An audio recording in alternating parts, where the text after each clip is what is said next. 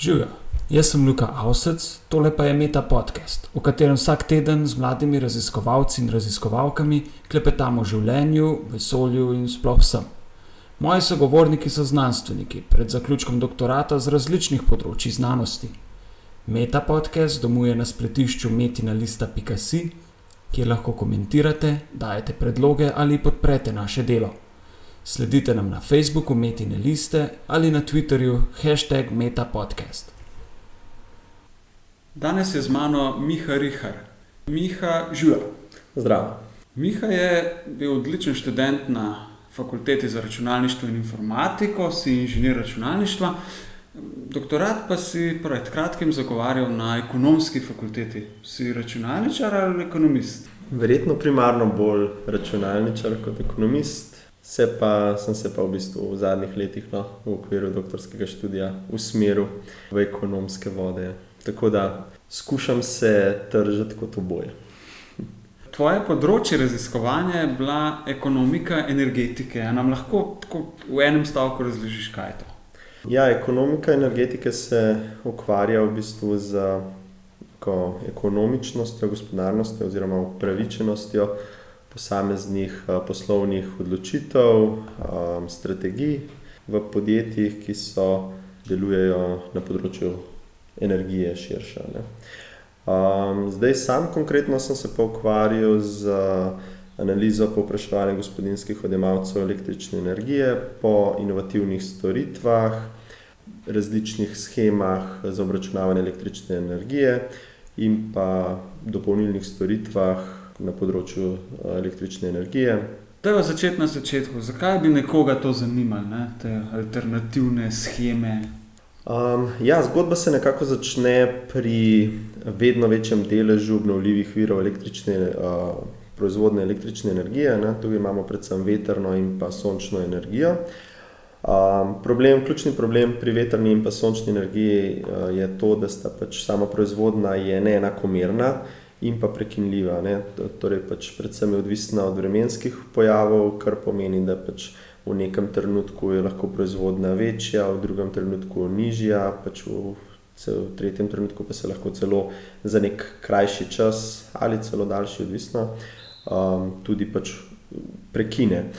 Tradicionalno so vedno v energetiki pojmovali samo porabo kot nekaj fiksnega, stalnega, To pomeni, da potrošnik pač rabi, kadar rabi. Na tanko tako in kolikor pač rabi.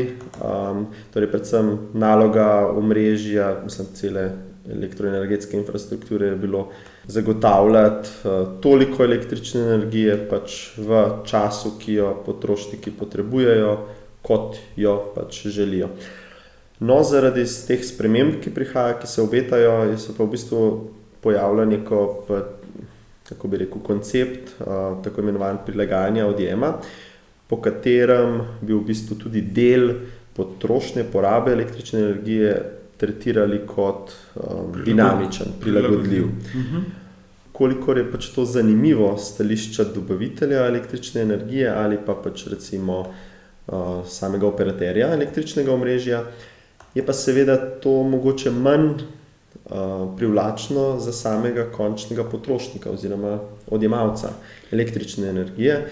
Poznamo ta nočni tok, ne, ki je, se pravi, električna energija je ob večerjih, pa ob vikendih e, cenejša. Ne. Vedno se pravi stroj zaganja ob vikendih. E, to je, to je nekaj takega, Kaj ti misliš? Ne? Tako je to. To, je to. Pravzaprav v Sloveniji že poznamo v bistvu dvo, eno tarifni in pa dvotarifni način obračunavanja porabe električne energije.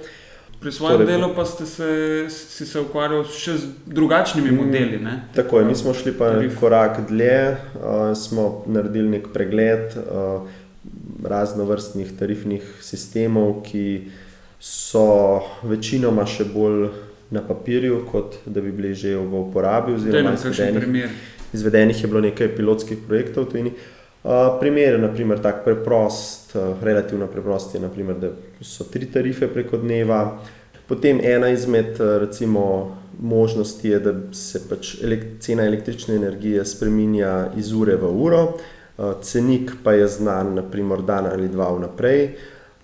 Potem spet ena izmed takih schem oziroma tarifnih sistemov je, da, da se poleg preprostega enotarifnega ali dvotarifnega sistema hkrati odjemalcu ponudi možnost, recimo dvakrat ali trikrat tedensko, po dve uri v času najvišje porabe, to je naprimer med peto in osmo uro zvečer.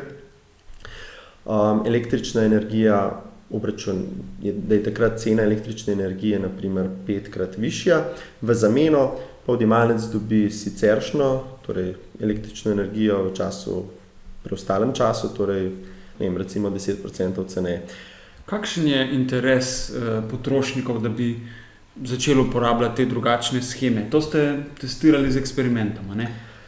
Natanko tako, mi smo izvedli raziskavo med gospodinjskimi odjemalci v Sloveniji na vzorcu nekaj več kot tisoč dvesto gospodinjstev. Interes se je izkazal pa za, bi lahko rekli, da rezultati so nekako dvoplastni. Po eni strani sicer je izkazan interes, vendar ne za vse predlagane tarifne sisteme enak. Kar pomeni, nekoliko bolj so odjemalci nagnjeni za, nagnjeni k prehodu na tiste tarifne sisteme, kjer so za premik svoje porabe predvsem nagrajeni, kot pa za tiste, pri katerih gre za princip palice in korenčka, torej da so lahko tudi kaznovani, v kolikor svoje porabe ne prilagodijo.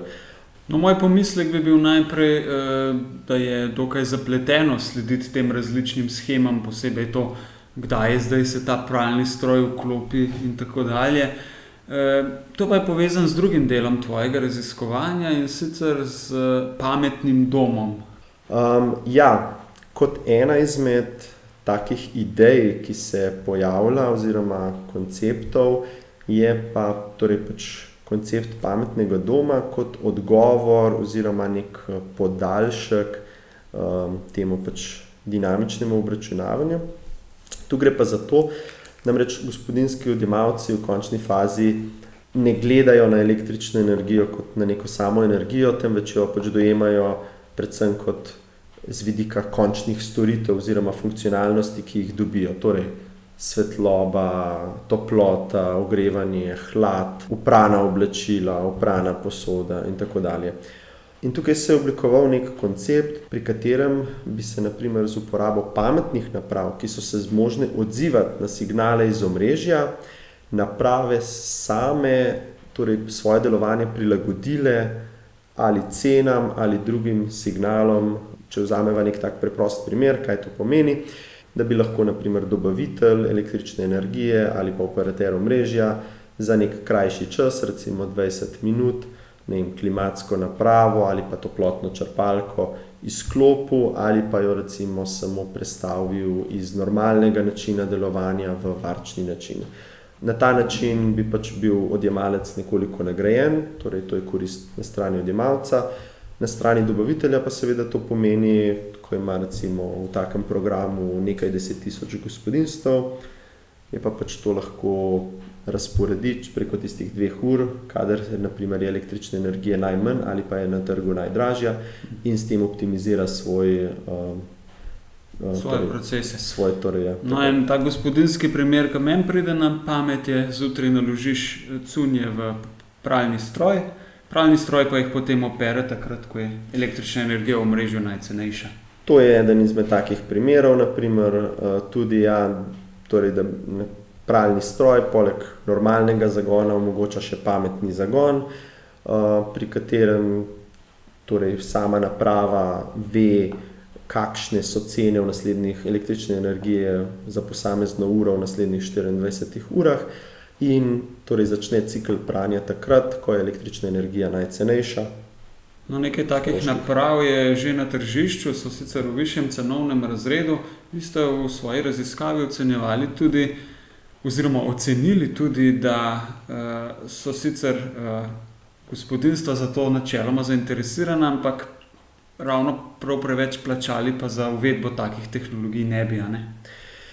Ja, mi smo ugotovili z našo raziskavo natanko tako, da v bistvu je relativno velik delež, gospodinjstev zainteresiran za uvedbo nekih pametnih tehnologij oziroma avtomatizacijo doma, vendar pa so v povprečju pripravljeni plačati nekje med 100 in pa maksimalno 400 evrov za celoten nabor. Um, Ko bi rekel, pametnih funkcionalnosti, s povprečjem tam nekje okrog 200 evrov. Um, kar pa še ni za dosti. Kar je pa relativno malo, oziroma pač uh, neka sama če vzamemo tako tak pralni stroj, kot smo ga omenili, je verjetno za en treba doplačati bistveno več kot pa le 10-20 evrov. In če potem pomisliva, koliko takih pametnih naprav um, imam, bi morali imeti v gospodinstvu, je zaenkrat so te naprave še na trgu, še cene teh naprav še previsoke. Videli bomo torej, koliko um, se bo uporaba takih strategij prijela v prihodnje. Eh, razlog, da se pa danes pogovarjava, je pa še en, namreč eh, sam si že tri leta predsednik eh, Društva mladih raziskovalcev Slovenije. Kot vodja podcasta, ki se ukvarja ravno s promocijo mladih raziskovalcev, se, se mi zdel primeren sogovornik za zadnjo 30. epizodo te prve sezone podcastov. Mm, zato bi te najprej večkrat vprašal, o vašem društvu, da ga malo predstaviš, se pravi, koliko članov imate, kdo so ti člani, kakšne um, cilje in naloge ste si v društvu zadali.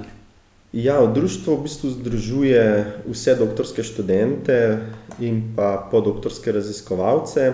Torej, kljub temu, da imamo v imenu mladi raziskovalci Slovenije, so s tem mišljeni torej, predvsem mladi ki so v znanosti, ki se ukvarjajo z raziskovalnim delom, uh, in ne zgolj mladi raziskovalci, ki so financirani strani RRS-a. Koliko članov, članov je ja. približno ja. okrog 180, um, trenutno, drugače pa nekako sledi našim, uh, torej spremlja naše objave, dogodke, pa nekaj manj kot tisoč ljudi. Imate spletno stran, na kateri objavljate tudi tekoče dogodke, gre za razne konference, ki jih eh, organizirate. Ravno zdaj pripravljate eno konferenco mladih raziskovalcev iz, in študentov iz Slovenije in sveta. Lahko čisto na kratko nekaj o tem. Ja, na tanko tako. Sedaj ravno poteka dvodnevna konferenca, to je že druga konferenca mladih raziskovalcev in študentov iz Slovenije in sveta ki jo organizira uh, Slovenski svetovni kongres z Društvom mladih raziskovalcev, pa sodelujemo v organizacijskem odboru in kot so organizatori. Um, gre za neko tako zanimivo pobudo, kjer za neko srečanje mladih, ki se izobražujejo v tujini, in pa mladih, ki torej študirajo, se izobražujejo v Sloveniji. Uh, za neko izmenjavo mnen, uh, izkušenj, uh, torej preko katerega se lahko med sabo torej primerjamo prednosti, slabosti študija v tujini, raziskovalnega dela v tujini in pa v Sloveniji. Prej smo se malo pogovarjali, prej sem začela snemati intervju in sem videl, da si zdaj, ko je ta pot nekako za tabo, doktorat uspešno zagovarjan, nekako eh, dovoliš malček več kritičnosti do samega sistema, ki si ga pa eh, dejansko eh, doktorski študenti tik pred zagovorom doktorata dosti krat ne privoščijo. Ne? Opažaš ta problem pri ostalih doktorskih študentih? Ja, res je. Um, med doktorskimi študenti lahko rečem, da kar sem v teh treh letih, uh, kolikor delujem v društvu, opazil, da je Kljub temu, da se jih zelo veliko srečuje z raznovrstnimi problemi, so le redko pripravljeni o tem spregovoriti na glas, kaj šele o tem, da bi se upali o tem govoriti javno. To verjetno izhaja iz tega, da nekako po eni strani sicer kot doktorski študent si še vedno študent, po drugi strani si pa v bistvu že deloma mislim, veliko jih je že kot zaposleni v obliki kot mladi raziskovalci na fakulteti, torej že izvajajo neke vaje, ali druge so pač vključeni v pedagoški proces. Um, spet, in s tem bi radi najbrž nadaljevali v prihodnje? Tako je. Ne? In večina ima neko učenje, če že ne rečejo tega na glas, pa vsaj nekaj pri sebi, neko skrito željo, da bi morda, če bo le možnost, nadaljevali svojo karjerno pot torej v okviru akademske sfere na fakulteti. In so zaradi tega pripravljeni požreti marsikaj, oziroma veliko krat bistveno več, kot bi bilo treba, samo zato, da pridejo do konca, oziroma da pridejo do, do konca študija, torej da doktorirajo. Um, razen, če so res potisnjeni do skrajnosti v kot, ko ne vidijo več rešitve, takrat se upajo nekoliko izpostaviti in povedati kakšno besedo. No, teh je sicer zelo malo, ne, takih študentov. Predvsem je problem, na katerega sem sam naletel med intervjuji, pa tudi ti si ga zaznal, uh, problem uh, kakovostnih mentorjev. Uh, sam si imel pri svojem raziskovanju odlično mentorico. Kdo je bila to? Ja, moja mentorica je bila profesor dr. Jelena Zorič. Um, Prej si mi zelo laskavo govoril o njej in strinjam se popolnoma s tabo, da je uh, kakovosten mentor uh, bistven pri razvoju enega doktorskega dela. Kje so tiste najpomembnejše lastnosti, ki jih tak mentor nekako mora imeti? Ja, jaz, se kar, jaz se kar strinjam. Ne, pred leti mi je nekdo uh, komentiral, da je polovica vrednosti doktorata predstavlja uh, mentor. In danes, ko sem v bistvu sam zaključil z doktorskim študijem, moram reči, da se s tem absolutno strinjam. Um, kje se kaže tista kvaliteta mentorja? Torej, že od samega začetka, torej, ko se podaš na doktorski študij, ponavadi ne poznaš področja, um, na katerega se podajaš, sicer še posebej, kadar neposredno nadaljuješ uh, po, pač do podiplomskem oziroma magistrskem študiju. Sedaj v tistem prvem letu nekako pregledaš področje, prebereš nekaj člankov, dobiš morda neko idejo, kam bi se usmeril, vendar še vedno je to samo neka ideja za misel. In mentor je na tisti, ki mora biti na tistem področju toliko razgledan, da ti lahko takrat pove, ali je to, to ali je to obetavno področje ali ne, ali je smiselno zagristi v to ali ne. Ali je metodologija ustrezna? Ne? Nadaljne potem tudi pri izboru metodologije, kakšno metodologijo izbrati. In tako dalje. Dejansko, vse, ko doktorat končaš, ko napišeš, takrat veš, kakšne so prednosti, pomanjkljivosti, nikakor pa tega ne veš, nekje na začetku drugega letnika, ko pišeš eh, dispozicijo in moraš v bistvu že vse, poleg samega področja raziskovanja in ciljev, moraš opredeliti tudi metodologijo, in seveda tukaj je ključno, da ti teh, na tem mestu mentor uh, pomaga, da pregleda in ti svetuje, oziroma da te usmeri na pravo pot. No, ena kritika, ki se jo pa tudi uh, izrazil na račun podiplomskih študentov, in s tem se bom spet popolnoma strinjal s tabo, uh, je pa, da po eni strani eh, raziskovalci gospodarstva ne vidimo kot okolja, ki je naklonjeno raziskovanju in razvoju, ne? po drugi strani pa ta neambicioznost in udanost do sodo mladih raziskovalcev, ne? ki so po doktoratu popolnoma brez moči. To je ena izmed stvari, pred, um, ki sem jo opazil kot v, v času svojega delovanja v društvu. Namreč v tem času smo organizirali dve konferenci. Ena je bila prav namenjena torej, nadaljevanju karierne poti v gospodarstvu, to je bilo leta 2013, spomladi.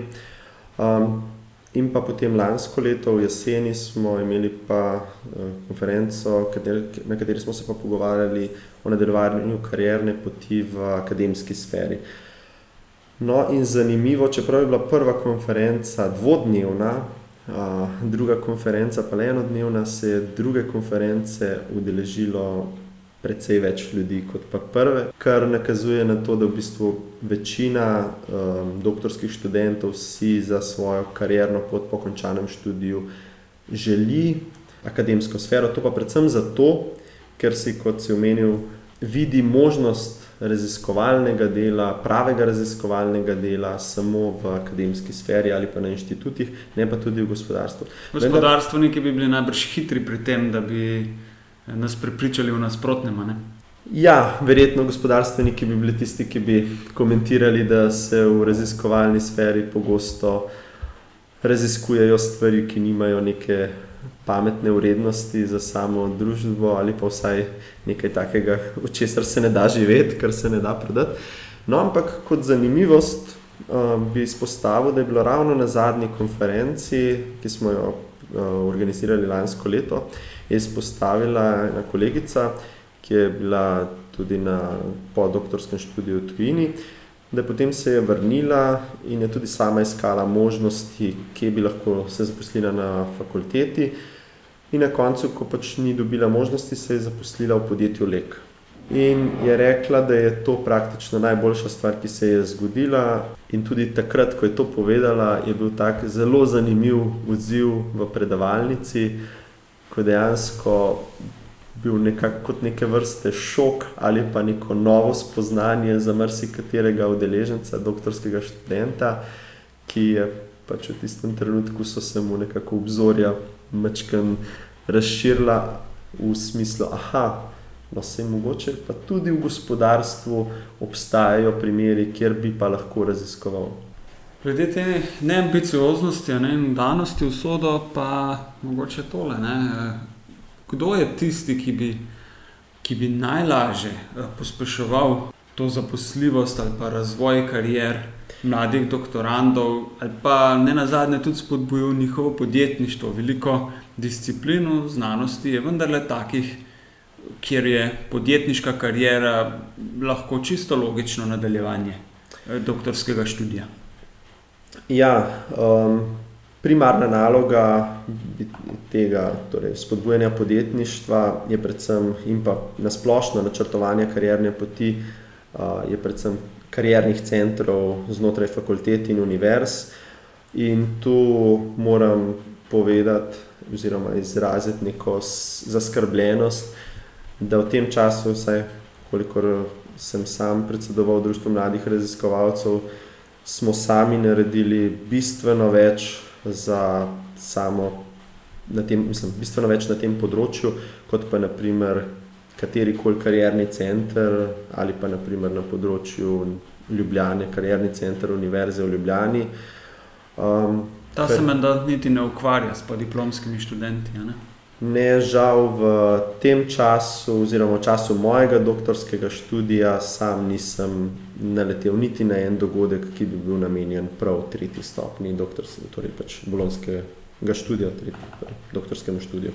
Meniš, da bi RRS, Agencija za raziskovanje in razvoj, eh, lahko tukaj tudi kaj prispevala? RRS deloma že prispeva s tem, ko dejansko vsi mladi raziskovalci, torej, ki so financirani z njihove strani, morajo opraviti nek podjetniški seminar v času trajanja tega staža. Vendar ta seminar, to je v bistvu neka delavnica, ki traja ne vem, šest ur, nekaj takega, in to je bistveno premalo, ne? to je enkratni dogodek. To bi moralo biti bolj vključeno, oziroma same fakultete bi morale poskrbeti za to. Kot se omenil, naprimer, so gotovo so določene področja študija oziroma znanosti, pri katerih pač podjetništvo nima nekega smisla. Ne?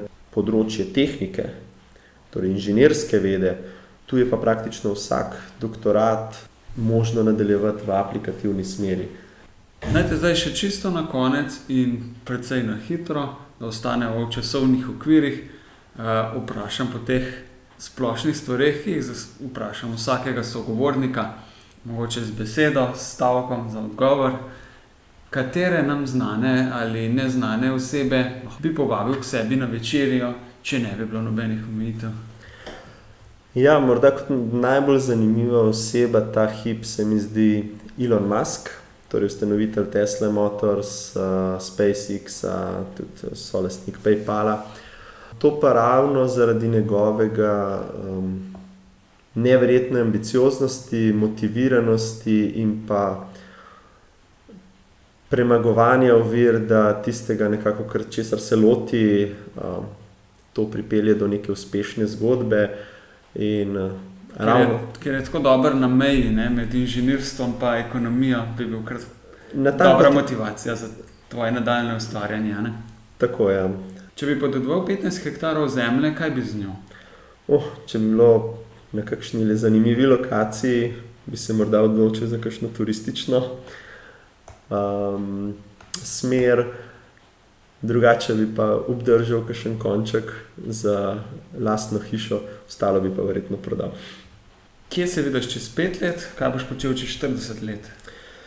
Čez pet let se vidim nek, abs, absolutno nekje v gospodarstvu, um, svojo karjerno pot si želim graditi v neki smeri uh, vodje nekega razvojno-raziskovalnega oddelka ali pa v smeri um, konzultinga, torej svetovanja pri oblikovanju nekih strateških odločitev v podjetju.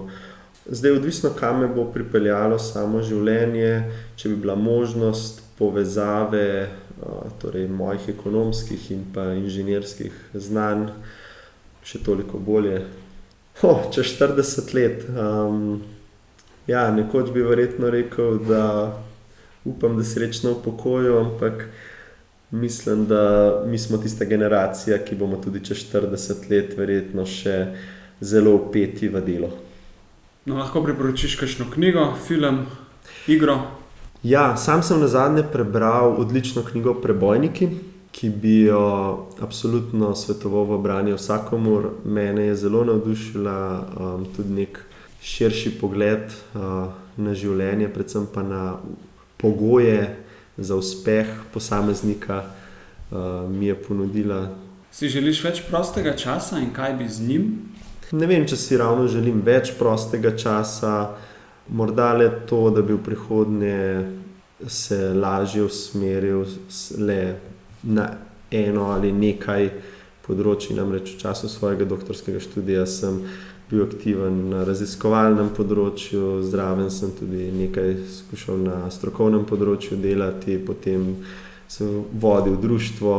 Um, tako da v prihodnje upam, predvsem, da bom lahko si prosti čas zagotovil, oziroma uh, na ta način, da bom mogoče se posvetil predvsem eni stvari uh, in ne več in pomalo. Miha Rihar, hvala za pogovor. Hvala tudi tebi za priložnost in vabilo. Poslušali ste Meta podcast. Pohvale, pripombe in predloge za bodoče goste nam lahko posredujete tudi po e-mailu na znanostafnametina.com, sicer pa nas poiščite na Facebooku Metine liste in na Twitterju, kjer mene najdete kot @inlife, čivki v podkastu pa ima hashtag metapodcast. Vse oddaje s povezavami na domače branje so doma na spletnem portalu metina.com, kjer lahko ta projekt tudi finančno podprete. Hvala in naslišanje prihodnjič.